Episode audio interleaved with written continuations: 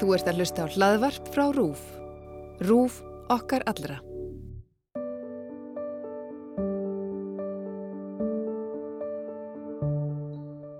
Hæ og verðstu velkomin í með vitjanir á heilanum. Við höldum áfram áhorfi eftir æsi spennandi fjörða þátt, vopn og verjur heitir hann sem byrjar á endurliti. Hanna á ammæli en er eitthvað óhress og til að gleði hanna og hugga kemur Margret vinkonannar og gefur henni ammælskjöf. Hún krefst þess að þær fagni áfanganum með almennileg parti. Í nútímanum er Kristín í heimsóknu Hönnu og Sigga. Siggi er algjör snulli sem gerir kaffi og morgumat verið stelpunar og hefur orða á því að hann og Hanna séu væmnast að parið. Ragnar er búin að vera etru í 11 ár upp á dag og það á að halda upp á það.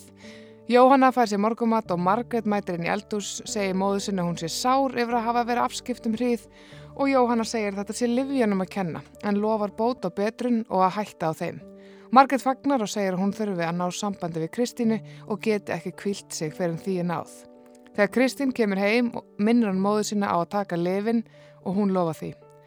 Hanna og Kristín eru með kinnfræðslu í bekknum með Matta og Lilju sem fer ekki eins vel í þau og hina krakkana og það vil svo óhefilega til að þær hafa glemt gerfi limnum heima.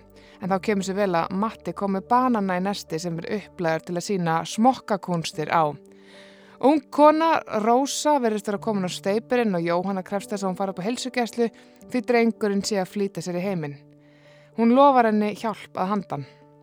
Siggi syngur hugljúan lagstú fyrir rakka bróðusinu og etruamalinu og færir hann köku. Þeir gera gísa gerðetippinu og gorta sig að myndri tippastærð sinni.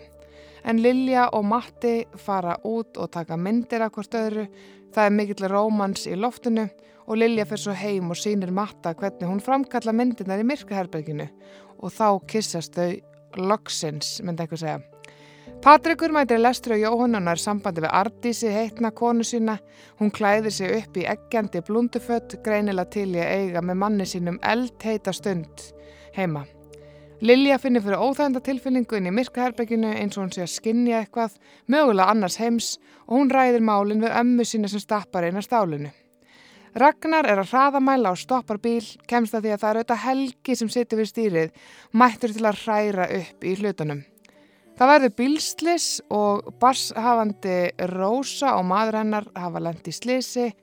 Það kemur í ljósa hörður og Arnar voru í bílnum sem allir slisinu.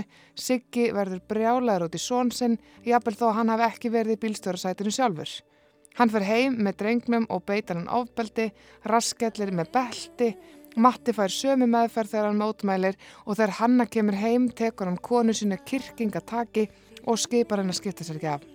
Helgi er eins og að mættur heim til Jóhannu og Lilja að glöða sig á pappasinn. Kristín og Ragnar kissast en Ragnar stoppar korsaflensið, segist ekki geta verið hægjan þegar hún er fúl út í Helga. Segist vita að Helgi sé mættur í bæin, hann vill auðvitað fá Kristínu aftur, þau stundar kynlíf og það kemur í ljós að Ragnar er raunverulegur fadir Lilju. Litli drengurinn kemur í heiminn á helsugæslinn eins og Jóhanna spáði, Kristín spyr hönnu vinkonu sem reynd út hver lengi Siggi hefur lamið hana, hanna fullir að þau Siggi sé góðumálum, þetta hefur bara verið slis og hann hefur mistjórn á sér. Tónlistin í þáttunum hefur vakið mikla aðtegli og í þessum fjórða þætti fáum við að heyra spán nýtti lag eftir tónskáld þáttana Ragnar Ólafsson. Hann kíkti til mín og sagði mér til dæmis frá læginu sem nefnist Hugsanir og gæti orðið sömarsmellurinn í ár. Við rættum um samstarfið með Frankans og leikstjórunum Efu, Grundafjörð, ástans og karakterunum og tónlistina sem hann brennur fyrir. Heyrum í Ragnari.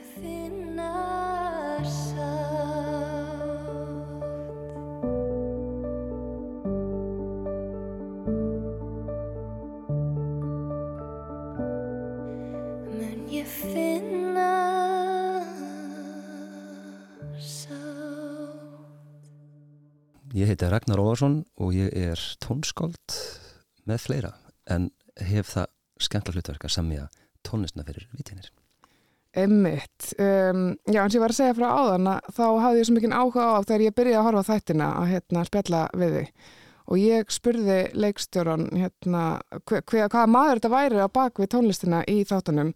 Og hún uh, lísti þér sem eitthvað svona ég hann rakki litli minn og mér var svo áhugavert svona hvað þetta væri orðið rosalega heimilislegt hérna, nafngiftir hérna í teiminu en kom svo að því að þið eru frændsískin Já, passa. Einmitt, hvernig tengist þið? Þannig að móður mín og móður hennar eru sýstur. Einmitt. Líta eins út, þannig að við erum með sama ljósa hárið og, og svona sama geð myndi ég líka halda. Sama geð, ok. Þetta er fyrsta sinn sem við vinnum saman á, já nei, þetta, ég líkt því, þetta er hann annarskitt sem við vinnum saman.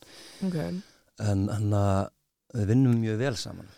Akkurat. Og hann að, og ég held að það bara með þessu verkan hérna sem er svolítið fjalla mikið um tengsl alls konar fólks og hann að ég held að okkar tengsl hafi svona vunnið með okkur Emmitt og einhvern veginn að hjálpa mér sem tónskáld að segja sögu þess að annað karaktera í vitjunum og líka hvernig þeir tengjast allir mm -hmm. í svona litla bæ og, og svona stundundum er ég að segja svona hinda eitthvað sem gerist setna með eitthvað svona stefum sem, hana, sem svo hann að Sko, þú ert með mjög fjöldþættan um, tónlistabakurinn Já. og hefur verið að spila metal ef ég er rétt fyrir mér.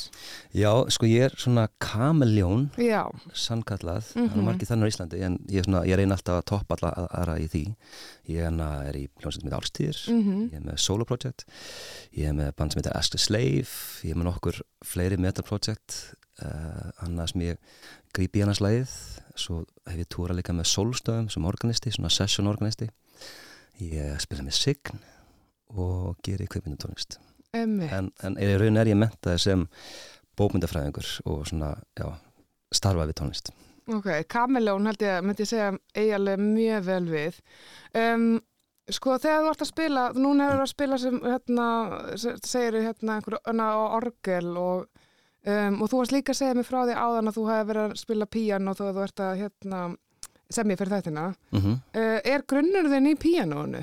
Já, Mhm. þannig að mamma skekkaði með að spila klassisk píano þegar ég var mjög lítill og ég er mjög þakkláttur fyrir það. að Einmitt. þá er, er, er alltaf verið í mér þessi tenging við hljóðfærið. Akkurat. Ógislega leiðilegt þegar maður er lítill og mann langar bara eitthvað fara út að leika sér og þurfa að vera að æfa sig. Píanokennari er náttúrulega ímist slæmur sko. Mm, akkurat. að- En, en Jón Ólafsson, ef þú ert að hlusta, þú ert, ert æði. Ok, allavega eitt sem var, var æði. Hérna, þú varst að gefa út plötu með ástíðum núna í november. Já. Um, veist, hvernig fer þetta saman, þetta hérna hljómsveitastús og, og kvikmyndatónlistin og allt þetta sem þú varst að gera?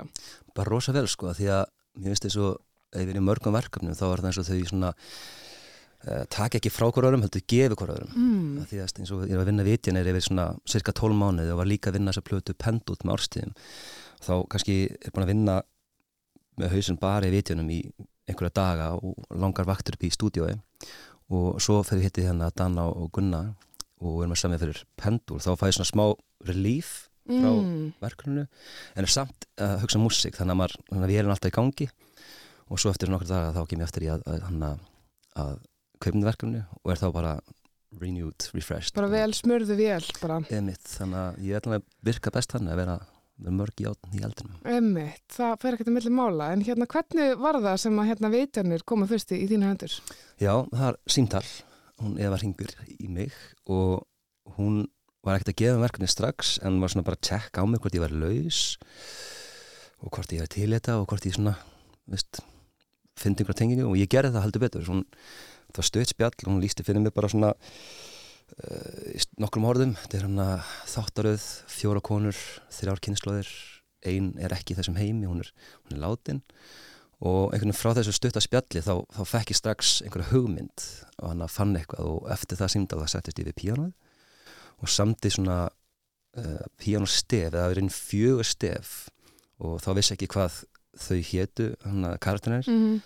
en, en ég samtist hann að eitt stef sem er Amman, hann að dóttirinn uh, já, barnabannið og svo hann að látna Mm.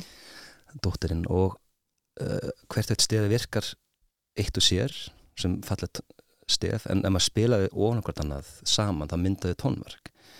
Og, hana, og það verk rataði inn í, í þess að þætti um, og í senum það sem hann að þessar kynsluður, konur mikið af hann að maðgum og svona það gengur ímestlega á. En í þeim senum það sem þeim fer saman þá heyrur þetta píjónaverk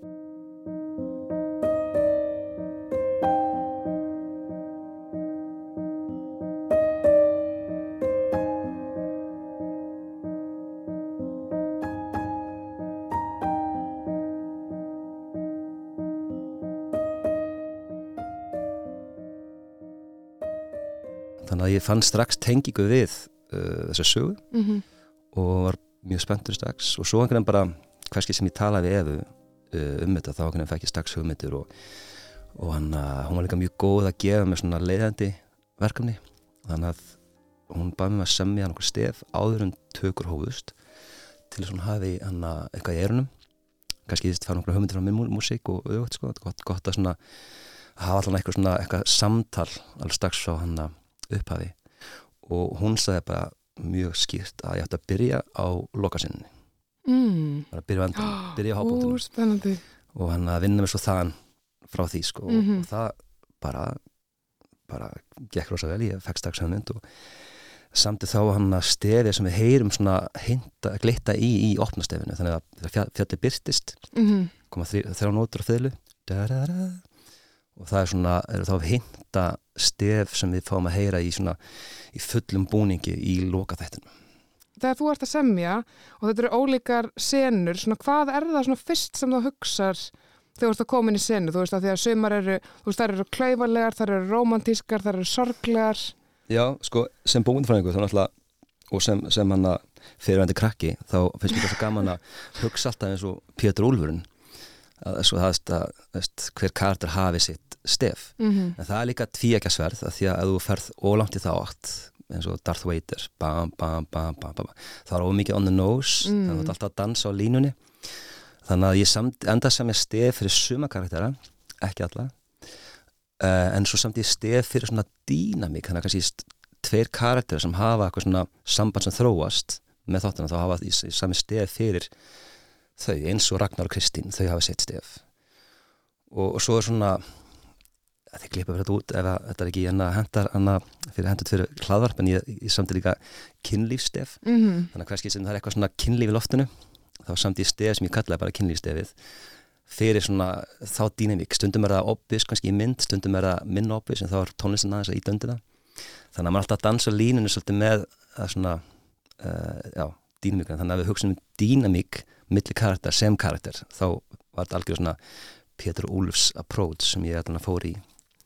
Geta áhugavert sko þannig að það er bæði karakterin hafa sitt og svo náttúrulega er það að því að karakterin er eiga ólíkum samböndum við ó, aðra ólíka karaktera einmitt, þannig að það er þá líka til þessi svona þessi vennsl milli þeirra. Já, og þetta þróast náttúrulega rosa mikið yfir þessu átt að þætti og þar leðandi þróast stefin líka með þeim. Þannig að Mhm. stefin, þau byrtast aldrei eins tvisvar, heldur þetta er sama stefið en það bætist alltaf í eða dregstur yfir úr og því að stefin þróast með kartinu og það var svona og svona er allt einhverna söðupunktið að hámarki í, í loka þætti mm Svo fórstu um þetta, þú mættir á sett varstu mikið, í, varstu mikið að fylgjast með tökunum? uh, Ég fór á sett í oktober í hérna 2020 og var á sett í tvo daga sem var algjör game changer. Mm Af því að það er eitt að lesa handritið og, og hann að vera reykjavik og, og hann að hugsa en þegar ég kom að sett og lappa um grundafjörð og, og kynntist leikarunum og, og leikstjórun eða náttúrulega leikstjórun, það er frænka þetta en það minna völu og kolbrúnu og svona Mhm. Þa, það var game changer af því að þá fann ég svona bara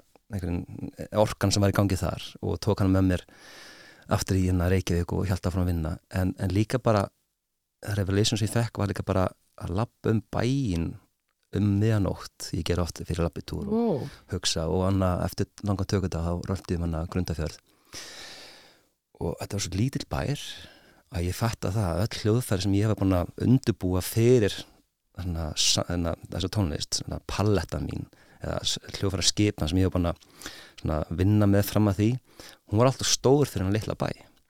Þannig að ég fór heim til Reykjavík og hent út öllum stórum trumbunum og öll stóru hljóðfærin sem ég var bara að undurbúa að vinna með, þau bara að fenga fjúka og ég byrjaði á nýtt sumustefin en ég byrjaði með að týna öll hljóðfæri fram í hljóðfærinu sem voru lítil þannig að tóipiano, svona batnapiano Mm. klukkuspil, kalimba þannig að úgulega melodika allt sem var lítið fór að vinna með það, þannig að það er rosa mikið af svona klukkuspil hljóðum og sætum píanostefum og svona og, og mér finnst þau passa inn í hennar litla bæ en svona eitthvað svona Hans Zimmer sæst trumba eða horn það var, var ekki pláss fyrir það í, í þessum litla Nei, bæ Grundarfirði einmitt. og ég fatt ekki fyrir ég var, var að setti og mm og hann að lappaði um bæinn Já, landslæði líka svolítið svona, það er rosalega ábyrjandi í þáttunum og það er mikil svona hérna, uh, svona náttúrufegurð. Var það líka eitthvað sem hafði áhrif á, á hvernig þú? algjörlega, og líka bara sjá litina það er hvernig að því að litin alltaf eru tíðni og, og tónar eru tíðni og þetta kallast á þannig að ég bara, tilfinningin var meira að fara í, í önnur hljóðfæri en, en, en, en þannig að þegar ég eftir sá litina sem voru á fjallinu og í kringum, kringum Mhm. bæinn. Og annar evaluation sem ég fekk var ég röltana niður um höfn, höfnina meðanótt, það var einhver smá þoka eitthvað. Og sá hana, bátana og allt það. Og, ég fór að ímyndi með svona skipa lúður Mm. og hugsaði hmm, hvað með að til tónverk úr svona skipa lúðri og fór heim í hérna, tónveri Reykjavík og, og, til verk með skipa lúðri en svo var það ekki alveg að virka en svo fann ég bassa klarinötu sem hafði mér svipan hljóm, djúpan, langan hljóm. Og þá svona, vannst heil seri af stefum út frá því þeirra pælingu. Og þar hann þetta er og ef að hana, þeir, sem- hlustið, leggið við hlustir núna á næstu fjóra þætti þá hann getið heyrt að það mikið afsnótið drónandi elementum sem svona vaksa inn í senur og vaksa með senunum og, og byrja yfirleitt á svona djúbri nótu sem er þá bassaklanan þetta, mjög óvanlegt hljóðfæri en mjög svona mjög svona uh, já, sálrænt hljóðfæri. Vá, og það getur svona það hefur líka passa mjög vel undir díalóg því að það mátti ekki vera fyrir þegar fólk er að tala en þetta tíðnir leggst mjög vel undir samtal og gefið samtalið svona aðeins með svona óróleika. Þannig að, Mhm. þannig að uh, vennilega samtal virðist vera aðeins meira svona hættulegt að það er meira óró í þessu mm Sko tónlist hefur náttúrulega svo rosalega greiða rey, leiða tilfinningum hans og svona Mm. það er, getur hrært svo, getur hrært svo rosalega auðveldlega í henni. mm. Þannig að hérna, sko, mér finnst það myndir svo kvikmyndatónlist, stundum tekum maður algjörlega eftir henni Mm og ég hef alveg gert það og sérstaklega eftir að ég, við vorum búin að ákveða að hittast hérna að spjallum þetta, þá horfði ég aftur svona með þetta svolítið í hug og tók á myndi eftir þessu klukkuspili og, Mhm. og allt þetta, en hérna en sko, þú ferð inn í, inn í til dæmis senu um, og þá sko, þú ert smá að nip- manipulera okkur sem erum að horfa algjörlega, án Algjörlega. þess að verða á augljósum með það algjörlega og þetta er líka rosa fín lína að vera ekki að taka ekki aðteglina heldur en að segja, sko íta undir söguna sem, mm -hmm. sem við verðum að segja alltaf, Nákvæmlega. að vin- alltaf verið að vinna í liði með leikurinnum og emmitt. Kemur þessi tónlist út eitthvað sér? ég á eftir ákveða en, Ok, en eh, hlustendur góðir ég var hann núna að eftir fjóra þáttin þá eh, kemur með lægið hugsanir út sem, sem hann að hljómaði í fjóra þætti.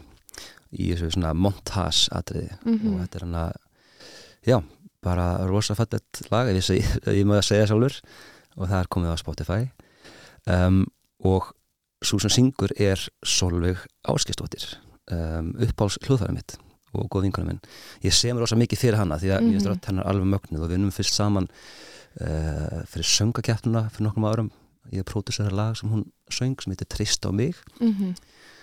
og hann, uh, en síðan hef ég ekki hægt að ringja henn og alltaf ég geri plötur samkvæmt að sé tónlist fyrir sjónvarp eða, eða metalplata þá ringi alltaf Solveig Sko, þú talaður um það á hérna, Facebook að því þetta er rosalega vænt um karakterina Já. eftir að hafa náttúrulega bara lesið þetta í þaula og samið fyrir þessi stef og allt þetta. Er einhver svona uppáhald þér? Já, ég má, má samt ekki segja það sko, þetta er eins og Já, Veist.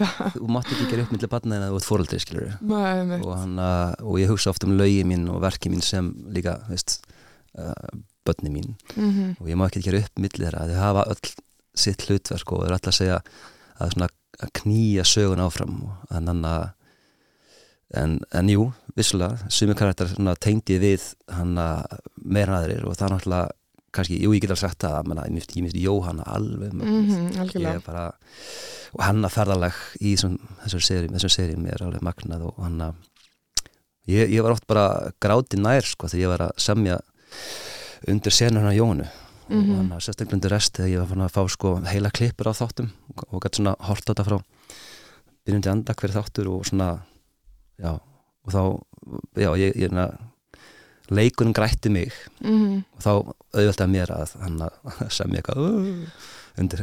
Þannig að það fóru bara tári hérna á, á nótunar. Um, það er einmitt með Jóhannu sko, við líka komum svo nálætt henni sem áhöröndur þegar við eigum þessi prívat moment, þar sem hún er til dæmis að tala um Margreði eða er einn og þá finnum við hann harm sem að hún leggur sér svo rosalega mikið fram við að breyði við sko. Svo flott myndlíking fyrir svona uh, badnamissir sem er náttúrulega eitthvað mm -hmm. sem, sem uh, mann geta ímyndið sér og, og, og þetta er svo falla sagt að þetta er ekki, að því að hún er bara Margreði er bara ná og hann að Jóhanna fyrir henni er þannig og, og veist náttúrulega, hún tala bara við dóttin á hvernig degi og þetta er svona fallið samband þótt að Margret sé náttúrulega smá svona óþálumóði alltaf mm -hmm.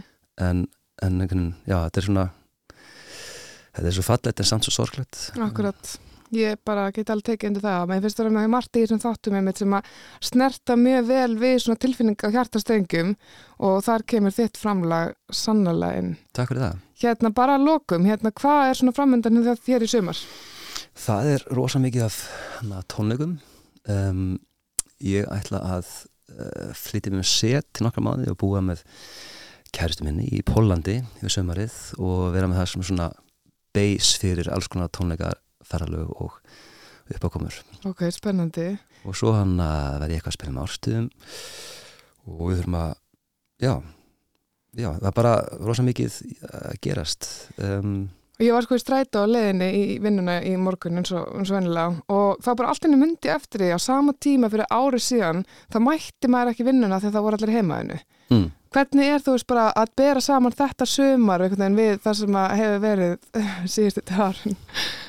Bara, ég menast, við tónastum við náttúrulega, við náttúrulega tókum svolítið þetta var erfið tímaðbil mm -hmm.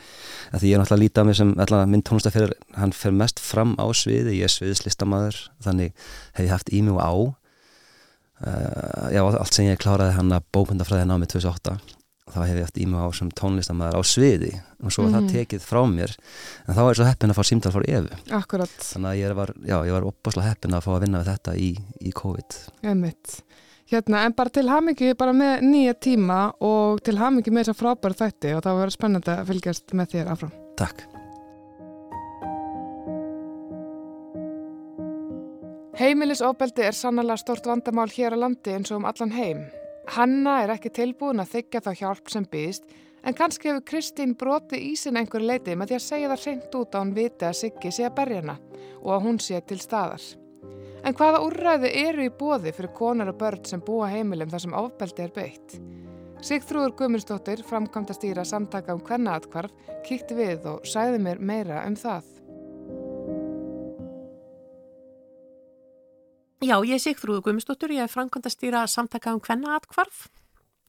Hérna, sæl Sigþrúður, ég fekk þeim hérna í þáttun til mín og takk fyrir að koma vegna þess að þú hefur verið að vinna já, um þó nokkra hríð í málefnum sem tengjast til dæmis heimilisofbeldi og ofbeldi í nánum samböndum Aha.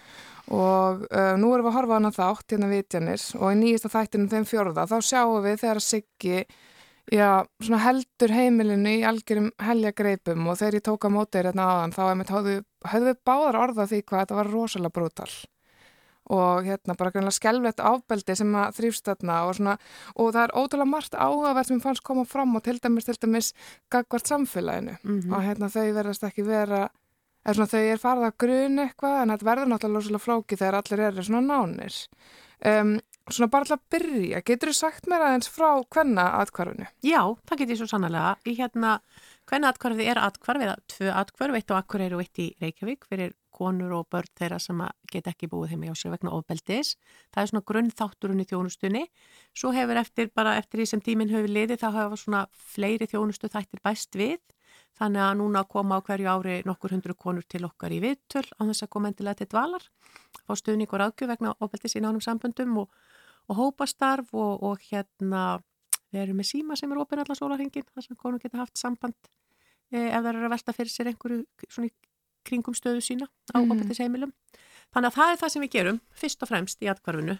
Og hvenar er þetta stopnað? Hversu gammalt er þetta orðið? Heyrðu, það er að verða, sko, bara núna í byrjun júni eru 40 ár síðan stoppfundur samtakaðum hvernig atkvarf var haldinn. Þannig að það er ammæli? Það er ammælis ár. Uh, atkvarfi var svo opnað í desember sama ár. Það voru engin smá smá skörungar sem að stopnu þessi samtök mm, og, og það hérna, með penslana á lofti það er með penslana og slekkjuna á lofti og, og opnuði hérna atkvarfi svo í hérna í desember. Þannig að það er búið að vera opið í næstu í 40 ár. Emmett. Og þar hefur bara stanslaus ströymur óslitin keðja, hvernig á barna stremt inn og út aftur. Akkurat. Hérna, þegar við horfum þá, þá til dæmis á hérna þáttinn, að því að ég er búin að vera velta fyrir mér þessu ofbeldi, þegar það er náttúrulega, það er ákveð skref í sambandi að taka það ákveðin að koma sér út ræðstæðum og getur tekið tíma. Aha. Hérna sjáum við til dæmis konan og hennu sem að verðist vera í afneitun einhvers konar gagvart því sem er að gerast Mm -hmm. og hún er ekki tilbúin til að þykja hjálp, jafnvel þó að þessi koma þetta stig.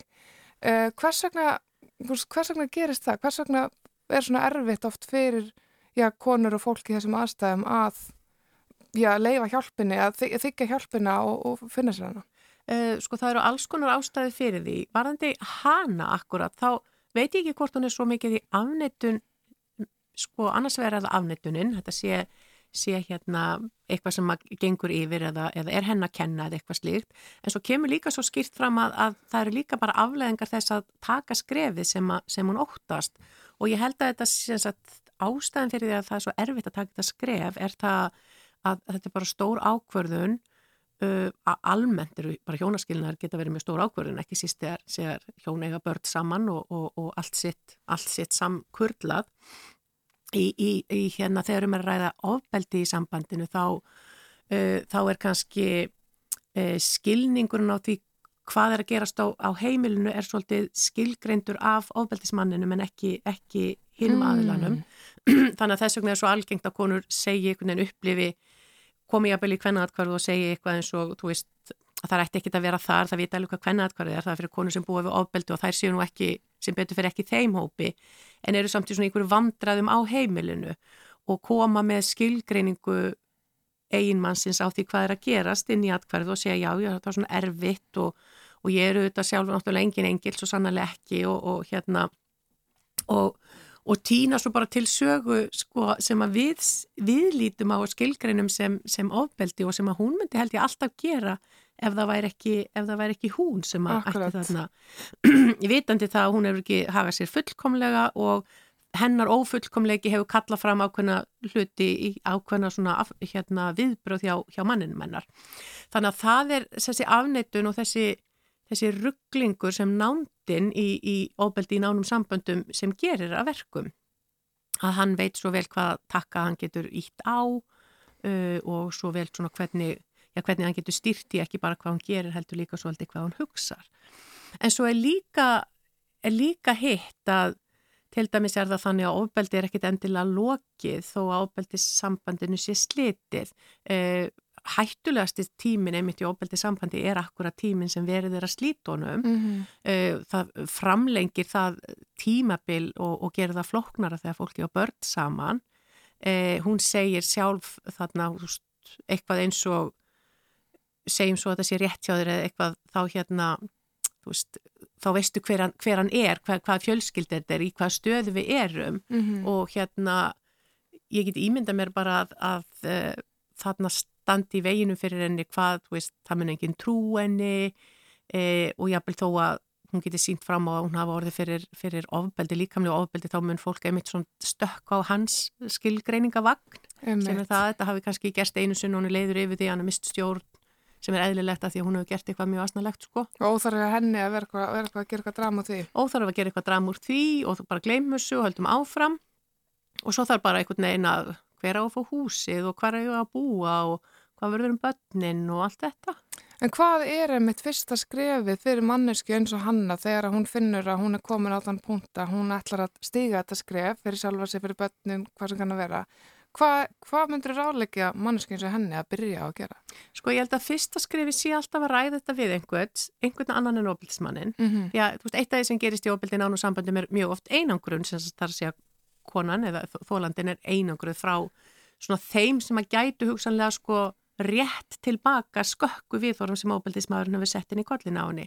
Þannig held að sé mjög uh, þess fyrsta skrefi sé alltaf að reyna að finna einhvern sem maður treystir, hvort sem það er eitthvað sem maður þekkir eða eitthvað fagaðli sem maður getur sko rætt málinn við einmitt uh, án þess kannski endilega að viðkomandi sagt, stökk við til og, og, og gerir mjög drastiska hluti þess að það er að segja að hérna og, og við heyrum það í þættinum e, síðasta þætti, þú veist, ángistinnar yfir því að það að hún opni pingu litla glufu gerir það verkum að, að hérna að vinkonennar þjóti af stað og, og, og geri eitthvað sem að hún, hún, hún getur í sjálf sér ekki gert, sko það er ekki sem kæri máli til lögreglu nema, nema vantilega, vantilega kona sjálf og slíkt.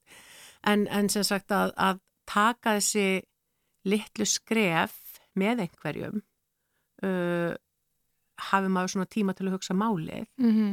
uh, opna á það, fá aðstóð til þess að sko, sjá stöðuna sína utanfrá uh, og fá aðstóð líka til þess að meta það hvað maður getur gert í framhaldinu af því það er svo oft sem ofbeldi hefur gert það verkum að, að konan fer að trúa því hún get ekki neitt uh, hún get ekki lifa á laununum sínum hún get ekki séð um heimili ein og, og slikt sem er alla jafna bara vittleisa en, en góð leið til þess að halda hjá manni mannesku sem að vill ekki vera hjá manni. Mm að, að hérna að trúa því? að þannig, já, og það er, það, þetta eru skrefin sem við tökum oft með konum í viðtölum í hvernig atkvarðinu sem kom ekki endilega til dvalar. Einhvern veginn að að snúa ofan af þessu uh, þær segja kannski eitthvað eins og ég er náttúrulega fáviti þegar kemur að peningum þannig að ég gæti aldrei staðið á eigin fótum peningalega séð. Og svo kannski förum við aðeins aftur í lífið þannig að hún kannski var búin að vera til í 40 ár þegar hún kynntist þessu manni og, og lifði bara ágættist lífi á laununum sínum og sáum, sáum fjármálinn sín og slíkt. Þannig að það, það stundir bara einhvern veginn svona að, að, að já, snúa ofan af Einmitt. uh, því sem að opbeldismadurinn hefur sagt sem að segir gjarnan í þeir tilgangi að erfiða konin að fara Þetta er ótrúlega áhugavert og svolítið óögnarlegt en, en gott að vita eitthvað en að það er hægt að laga þessa svona hugsuna villi sem er búið að koma í hausuna þér. En þá er þetta með aðstandendur að því að hérna, ég veit að svona sjálf bara af eigin raun þótt að snúst ekki um mig að ég bara sjálf hef mitt verið í ofbeldisambandi og það versta sem ég gæti ímynda mér var að um, aðrir tæki skil, þá skilgrinningu af mér eða svona, þú veist, væri undan og þá hljófa fórum maður í vörn og allt þetta og þetta er rosalega flókin staða líka fyrir aðstandendur Mhm. um, og þarna til dæmis sjáum við lokin á þættinum að þá segir Kristín við vinkonu sína hvað er hann búin að berja þig lengi Mhm. eitthvað, eitthvað þá veru um, og það er rosalega stórt svona, uh, svona sprengja til að varpa um, veist, er, það, er það rétt nálgun svona hvernig ber maður sig að? sko ég held að sé, veist, það eru alltaf, sem sagt, það fer alltaf svolítið eftir sambandi manns við manneskuna sem maður er að tala við, eh, en við gerðum hérna fyrir nokkrum árum síðan svolítið rannsókn í atkvarðinu þar sem við hendum út á netið spurningakönnun til hvenna sem höfðu búið við ofbeldi og varu búin að stýta sambandinu. Og einn spurningi sem við spurðum var hvað hefði fólkið í kringu þig geta gert til þess að aðstofa þig? Og það voru ótrúlega marga sem sögðu einmitt það að kalla hlutina réttu nafni eh, að hérna segja hlutina eins og þeir voru af því að enginn gerði það, það er svona tipplaði kringum, kringum þetta allt saman. Eh, aðra sögðu líka að það hefði bara þurft að koma til aðstóð, þar að segja, veist, eitt er að, að fá mann til að opna augum fyrir því að maður búið við ofbeldi og að maðurinn maður sé ofbeldismadurinn í lífi manns, hitt er einhvern veginn svari við því hvart á ég að fara ef ég fer frá honum. Þannig að sumar segðu að aðstóð sem lítur fjárhag eða, eða húsnæði eða einhver aðstóð með börnin eða eitthvað slíkt, það geti líka hjálpa til. Og það er held ég bara svona, e, fer eftir stöðu okkar hérna, gagvart þessari konu að hérna, að, að hérna meta það hvað rétt er að gera. Og það getur líka auðvitað að farið eftir því sko, hver aðstæðan er. Stundum þarf að bregðast bara strax og rætt við. E, en stundum er þetta kannski ástand sem er búið að matla lengi og þó okkur finnist að okkur, okkur, eitthvað sem okkur finnst væntum ef við fréttum að, að, að við komum til búið við ofbeldið þá viljum við að hann slíti sambandunum bara núna mm -hmm. og komum sér út og tala aldrei við hann og fá þetta aftur mm -hmm. þá er þetta eitthvað veruleiki sem við komum til búin að búa við lengi e, og það getur sko og, og verður einhvern veginn að hafa tilfinninguna að hún hafi áfram einhverja stjórn. Við upplifum það í kvennaðatkvæmnu til dæmis þegar konur eru að fara aftur heim til ofbeldismannsins eftir skelvilegt ofbeldi og það er engin ástæði til að ætla neitt hafi batnað. Það er auðvitað búið að freistandi að bara læsa hann í kallara og þú veist og bjarga þeim frá því að fara aftur til þess að manns. En hérna það myndi við aldrei gera því að þú veist konur verða að finna það þess að ofbeldi gengur út á að taka stjórna fólki. Mm -hmm. og viðbröðum við ofbeldinu það er gott ef að þau geta verið sagt, án þess að rýfa stjórnina á konum og stundum sé það þegar aðstæðar eru lífshættulegar og, og, og, og einmitt ef eru börn á heimilinu sem að verða fyrir ofbeldinu líka þá þetta e, þar eru lögin bara nokkuð skýr þú ætti að tilkynna til barnavendar ef slíkt er mm -hmm. og það er alveg möguleiki já, mm -hmm. já, það er ekki bara möguleiki það er bara skild okkar það er skilda, þannig að þú getur bara ringt þess að fyrir nágrann en einhvern Já. nákomin, já. Já, barnavöndulegin hver að skýrta um það ef, ef, þú, ef þú hefur ástæðu til að ætla börn búi við óviðunandi aðstæður Mm. þá ber þér að tilkynna. Einmitt. Þú getur gert það með, með nafnleitt, gagvart, gagvart öllum öðrum en, en þeim sem, að, sem vinnast með málið. Mhm. En, en það, það er mjög skýrt, það er eina sem er alveg svona skýrt. Hitt er einhvern veginn, þú átt að rétta fram hjálparhönd, uh, þú átt ekki að rýfa stjórnina af, af viðkomandi en, en að styðja Mhm. og hérna þannig ég held að einmitt það að, að, að nefna hlutin eins og gerir svolítið flott í þættinu bara hvað er hann búin að berja það lengi Mhm. mm -hmm. þetta er ekki spurning um hann er ofbeldismadur eða hann er uh, skrýmsli eða ógeð eða viðbjór eitthvað slegis heldur bara reynd út hvað er hann búin að berja það lengi við erum ekki Mhm. að fara að deila um neitt annað og hérna ég held að mörgum konum í ofbeldissambandi finnist gott að fá slíka spurningu Akkurat. ekki einhvern veginn að tósa fram sérði ekki hann er óbildismadur eða, eða, eða tala nú ekki um sko, það eru þetta oft freistandi kannski í þessari stöðu að einhvern veginn eh, svolítið taka þátt eins og minna konuna á að, að að hún hafi stundum skrökvað af því að þú veist þú segir að hann berði ekki en ég veit að hann gerir það og einhvern veginn fari í eitthvað svona, eitthvað svona rökræður um það. Já, eða þú logið að mér, þú ert alltaf að þykast verið ógislega hamingjusum þegar þú veist, ég, ég er ekkert svona æðislega hamingjusum mínu manni eitthvað sliðis eh, og ég held að sé voða mikilvægt að, að við sem aðstandendur séum við þeirri stöðu við einhvern veginn pössum okkur að dæma ekki eh, ekki það eh, hafi konan sagt okkur ósatt þegar við spurðum síðast þá, veist, þá er það vegna þess að henni fannst henni var ómögulegt að segja satt. Mhm. En, en að, að búa til svona uh, tækifæri til þess að segja frá til að opna. Já. Einmitt, hérna, maður bara svona, að því þú ert að tala um þessa einangurinn sem mannskan er oft komin í, um, maður svona óttast það sem ég myndi óttast kannski til dæmis í spórum Kristínar væri að auka á þessa einangurinn vegna þess að ef að hanna opnar sig um málið og er hreinskilinn mm en er ekki tilbúin að til þess að fara úr aðstæðanum og svo koma þau siggi rosa hamingisum í næsta matabóð Mhm. að þá, þú veist, þá ert þú ekki að fara að lappa út eða loka á hana eða gera hana vandræðilega heldur þarftu þá samt einhvern veginn að taka það til leiknum eða eitthvað slíkt. Já, já, ég, þetta er alveg, það er alveg drulluflókið að vera, vera aðstandandi. Mhm. Mér finnst það einmitt í atkvarfunu, við, við, við slampast á að svara í síman, sko, hérna, og ef það er kona sem er í óbeldi sambandi hringir, þá er svona ákveðin ráð sem er eftir að gefa þar og styðja hana þar, en, en hérna, þegar hringja aðstandandi, finnst mér mjög erfist símtula, því það er einhvern veginn, þeirra valdaleysi er svo lítið Akkurat. en ég held að það sem að hægt er að gera sko á sumu, sumuleiti er þetta svolítið bara á svona við skrimslavæðinguna þú veist eh, að, að sem sagt að tala ekki endilega um hann eða hans persónu heldur bara það sem hann er að gera og þau áhrif sem hann, Mm. það sem hann gerir hefur á hennar líf og, og líf barnana eh, þannig að sem sagt hún þurfi ekki að verja mannin eða, eða eða fara að telja til að stundum síðan og skup góður og eitthvað slíkt heldur bara að taka bara svolítið svona staðreindir Mm eins og við ættum að geta gert í, gert í bara öðrum öðrum samskiptum, við getum verið að tala um, um hérna um, um einhvern sem vinnur með manni eða eitthvað slíkt sem er bara svo góður sumu og svo er hann bara ekki sérstaklega góður í, í öðru og þú veist það er bara hægt að ræða það án þess að einhvern veginn að stimpla þessa mannesku sem eitthvað ákveðið. Og þó það sé brjálaðislega freistandi að einhvern veginn að, að, að, skella svona skrimsla stimplinum á Já, bara eigin fá mannin þetta ógeð, bara eitthvað svo les. Mhm. þá er það ekkit sérstaklega hjálplegt á Akkurat. þeim tíma.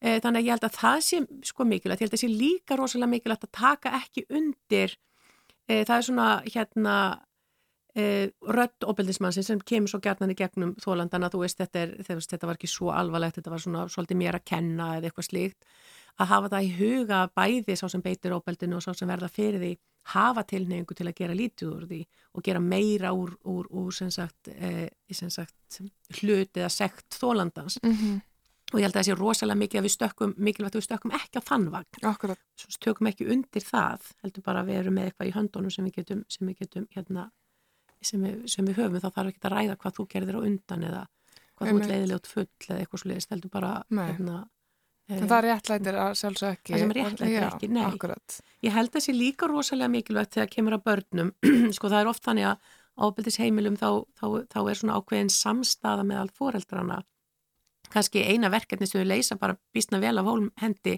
saman sem hjón er að, að telja sér trúum að ofbeldi hafa ekki áhrif á börnin e, og, og það er náttúrulega auðvelt í þáttunum að sjá augljóslega hefur það ofbeldi beinist mjög brútalt að börnunum Akkurat. en ofta er það ekki endilega þannig en hérna og þá segir fólk, þú veist Þetta, þetta er ekki ofbeldi gegn börnunum mínu, þú veist, þau eru og ég vil bara sofand alltaf þegar eitthvað kemur upp á og svona.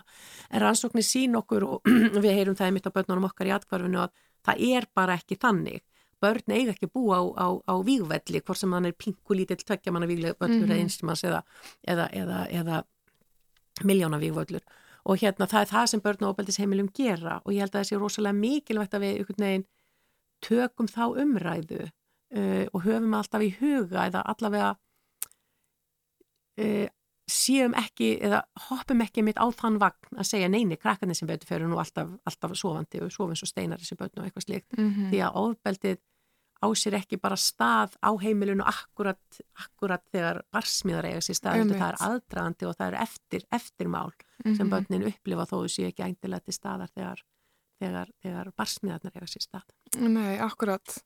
Sko, hérna, við sjáum með mitt, það kemur svona fram hérna með svona litlum vísbendingum að Siggi, ofbeldismæðurinn, hafi sjálfur búið við erfiðar aðstæður sínu ösku heimili Mm -hmm. um, og nú er hann farin að beita náttúrulega þessu skjálfilega ofbeldi sínu heimili greinilega réttlæta við sjálfum svona einhvern nátt en, en svo tekur hann líka sko það sem að þau hérna líka upp í rúmi og, og hann byrjar að kvarti við sjálfur hvað hann sé ömulegur og fær hann alltaf stappa í sig stálinu Aha. sko Mm -hmm. um, en fyrir mannesku eins og Sigga sko að því að hann er við, við viljum ekki stimpla hann sem skrimsli og við vitum hann hefur gengið gegn ímislega sem réttleitar sjálfsögðu ekki hvað, Mhm. ma hvað maðurinn hann verður en svona ef að hann tæki skrefið og myndi horfast í augu við sjálfan sig hvar getur manneski svo hann sótt sér aðstöða? Sko það er náttúrulega til, það er til hérna bara úrræði fyrir fólk sem beitir óbeldi á heimilu sínum og vil hætta því, það er heimilisfriður en, en svo eru þetta sem sagt bara svona massíf sjálfsvinna bara almennt það sem hann þarf að takast á við sína, sína forti og sín viðhorf uh, er, er gagnast fólki gjarnan. Uh, það sem að hann þarf stundum hérna, uh, hann er svolítið uh, margslungin óbildismadur eftir því sem við sjáum af honum því hann er, neginn, hann er, hann er þessi sem svona, hérna, lemur konuna sína þegar hann verður reyður og mun sennilega setna segja hann, þú veist, misti stjórn á, á skapi sínu og slikt en hann er líka mjög útreiknaður óbildismadur eins og þegar hann þess, hegnir börnunum sínum, þú veist, eftir einhverju reglu sem hann er með í höfðinu Þannig það er öruglega pingulitið erfitt að eiga við þau viðhorf Mm -hmm. að, að hérna mér finnst að börnum mín eigi að fá refsingu þegar hérna þegar þau hafa gert eitthvað, eitthvað rangt til dæmis skilja eftir skónu sín eða, eða, eða, eða andmælt því að, að, að, að sískinum þeirra sé mistund eða eitthvað slíkt. En, en, en fyrsta skrefið er auðvitað að leita sér aðstóðar og, og horfast í augu við, við, við vandan og, og, og vilja breyta Mm því sem þarna er. Ég veit ekki alveg hver hvernig við getum reiknað út hva, hver vilji hans er til að breyta því að, því að þetta er svona hann er ekki að missa stjórn á hlutunum hann er að fara eftir einhverju sem er sangjant í hausnum á hann Já, einmitt, einhverju svona prinsipu sem hann er búin að býta í sig. Já, kannski til þess að fá þessa útrás eða eitthvað sliðitt kannski. Einmitt, en segjum svo svo að hann færi í einhverja rosalega vegferð Mhm. og hérna, tækist að vinna í sjálfum sér. Væri möguleiki fyrir hennu og Sigga að ná saman aftur og byggja á einhverjum grunni og byrja bara eitthvað helbriðt samband?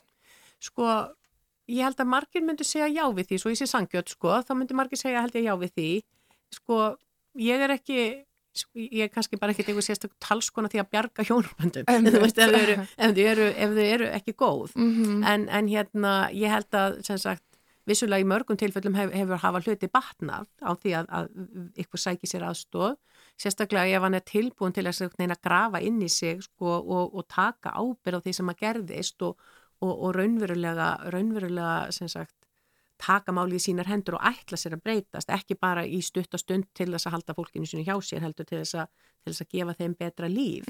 Og ég held að það sé ekki ég held að það sé ekkert útilokað. Ég aftur á móti sko, Þú myndir ekki endilega mæla með því?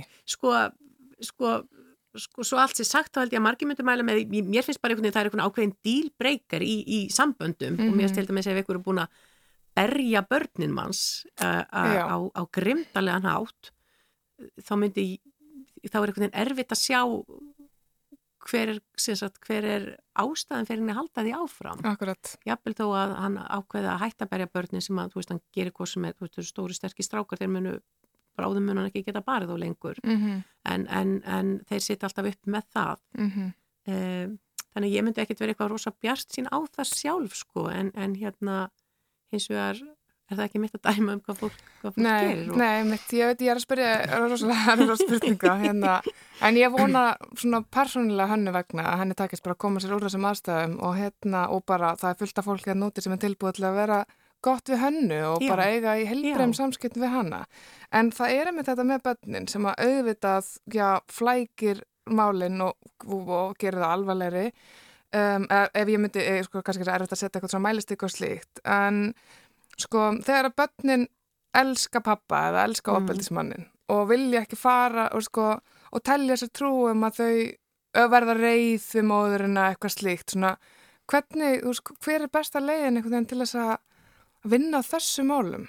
Sko það, það er auðvitað bara, eins og að segja, það er svo ótrúlega flókin stafa barna á ofbeldisheimilum Akkurat. og ég held að þar komi aftur sko bara barátum við skrimsla, skrimslatalið til hjálpar að þú veist að ræða það með börnum að þú veist það er alveg hægt að að elska og, og hata sömu manneskuna og hérna og manneska getur verið góð stundum og vond stundum.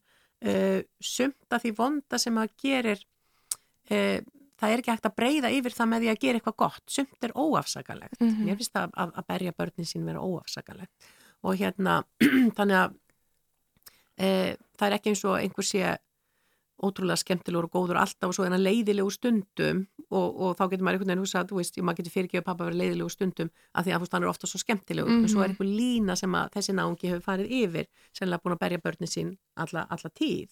Uh, og, og ég sé enga sérstakka ástöðu til þess að einhvern veginn fyrirgefa honum það eða, eða, eða einhvern veginn breyða yfir það með því að, að hann hefur gert ýmislegt gott. En, en ég held að sé óbáslega mikilvægt að, að, að, að viðurkenna þessa tókstreitu barna Mm milli þess að, að, að þau geta bæði óttast og, og, og elska föðu sinn eða hataðan og, hérna, og virtan líka e, á sama hátt geta, þær, geta þau hérna, e, búið móðurinn við ofbeldi þá geta þau líka sko, haft samú með henni og, og, hérna, og elskað hana en líka fyrirleitið hana einhvern veginn fyrir það að, að vera í þessari stöðu fyrir að fara ekki með þau burtu uh, fyrir að, að sem sagt, fyrir það sem að hann hefur sagt um hana.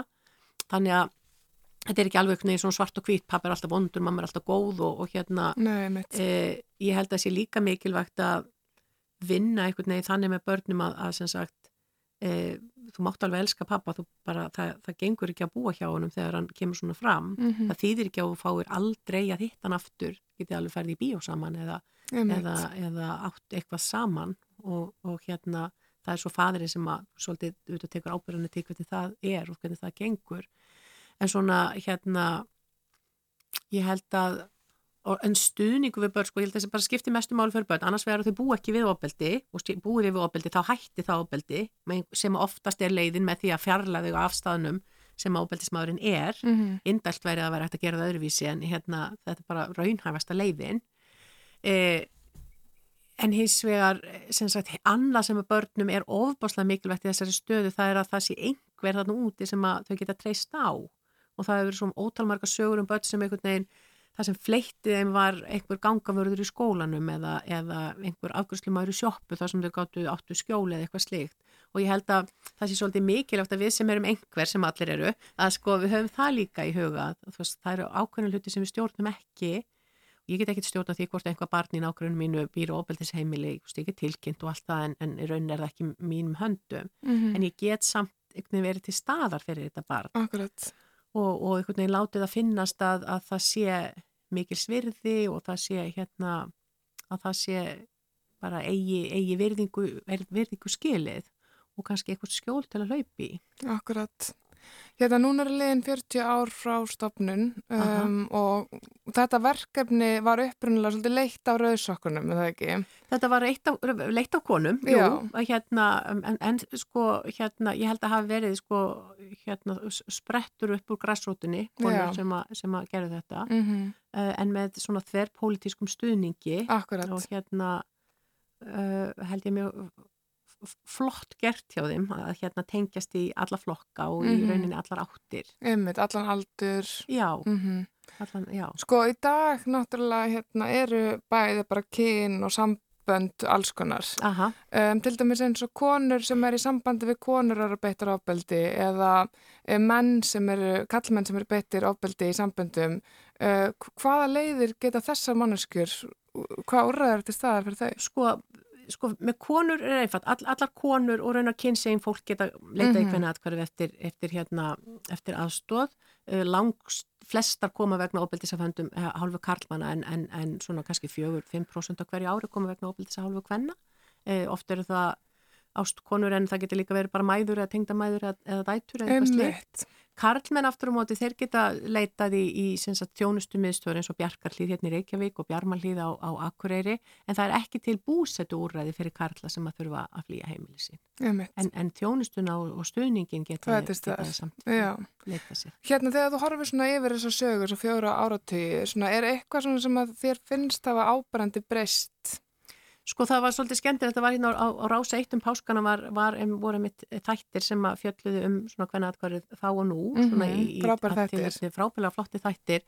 Og, það, og við vorum um að ræða starfskonurnar að það sló okkur einhvern veginn allar að, að sagt, hvað hlutinir hafa ekki breyst en samt gjör breyst mm. þess að kjarnin er alltaf þessi sami konur sem er að koma og steyðja konur út úr ofbildi samböndum og, og hérna e, e, sem sagt já, konur sem hefur kannski ekki annars stað að fara og eitthvað slíkt. Og það hefur ekki, ekki breyst í grunninn en það er alveg gríðarlega margt sem hefur breyst. Og ég held kannski samfélagið bara hefur breyst, breyst mest sjálft. Þannig að, að og ég horfi, það er auðveldast fyrir mig að horfa ekki alveg 40 ár heldur 15 ára aftur í tímana því ég hef búin að vera 15 ára í kennarskóðinu og þá finnst mér að einmitt stundum líka allt hefur, allt hefur breyst. Það er 15 ára en alveg tími? Það er alveg tími, mér finnst stundum að það sé bara næstu 40 ára og það hefur ekkert gerst áður en ég komi, það er alveg gjörðsam með ramja mér. Mm en hérna, en það hefur það hefur ofbáslega margt breyst í, í, í, í samfélaginu umræðum ofbeldi eh, allar þessar litlu byltingar sem að, sem að, sem að gerða verkum að konur segja, segja frekar frá slíkt hefur breyst. Eh, ég held að dómaframkvæmt og slíkt hafi ekkit endilega breyst rosalega mikið. Eh, ég held að áherslan á að styðja konur út úr ofbeldi sem gríðarlega mikilvægt eh, hún er ennþá sagt, staður og, og, og, og sá, sá svona sá ángi af umræðinu hefur blómstra mjög mikið, það er hægt að fara á marga stað það eru margir og miklu sérfræðingar í, í, í hérna því að styðja fólk út úr ofbeldis aðstæðum það gerist miklu minna á hinum endanum, það sé orsaka endanum varandi sagt, þjónustu við þá sem að beita ábeldi eh, aðstæður barna þannig að sagt, eh, þau þurfu ekki að upplifa ábeldi hvort sem er í sambandi eða, eða sagt, eftir skilnað eða umgengni eða eitthvað slikt, það verður ekki, ekki breyst nógu mikið og hérna og kannski bara forvarnir verum ekki ennþá nógu góð í þeim heldur Nei. sem við ættum að byrja óbáslega snemma að, að vinna því að, að, að börn finni leið til þess að leysa ágreininga og að gera það með óbeldi og, og, og, og sagt, bara með jafnveitisfræslu og slíkt. Þannig að, þannig að hérna og svona áfalla aðstofi börn sem hafa búið við áfall sem að munu á einhvern nátt líklega að hafa áhrif á að hegðum þeirra í framtíðinni. Við erum ekki alveg árið nógu góð í því. Nei, einmitt Það er langu vegur frámyndan og þörfun er greinilega endi staðar. Um, Sigþrúður, takk innilega fyrir að hérna segja mig frá og, og krifja þetta samband, hérna hannu og sigga og við vonum bara að hanna finni sér einhverja leið út úr þessum skjálfilega aðstæðum. Takk. Takk.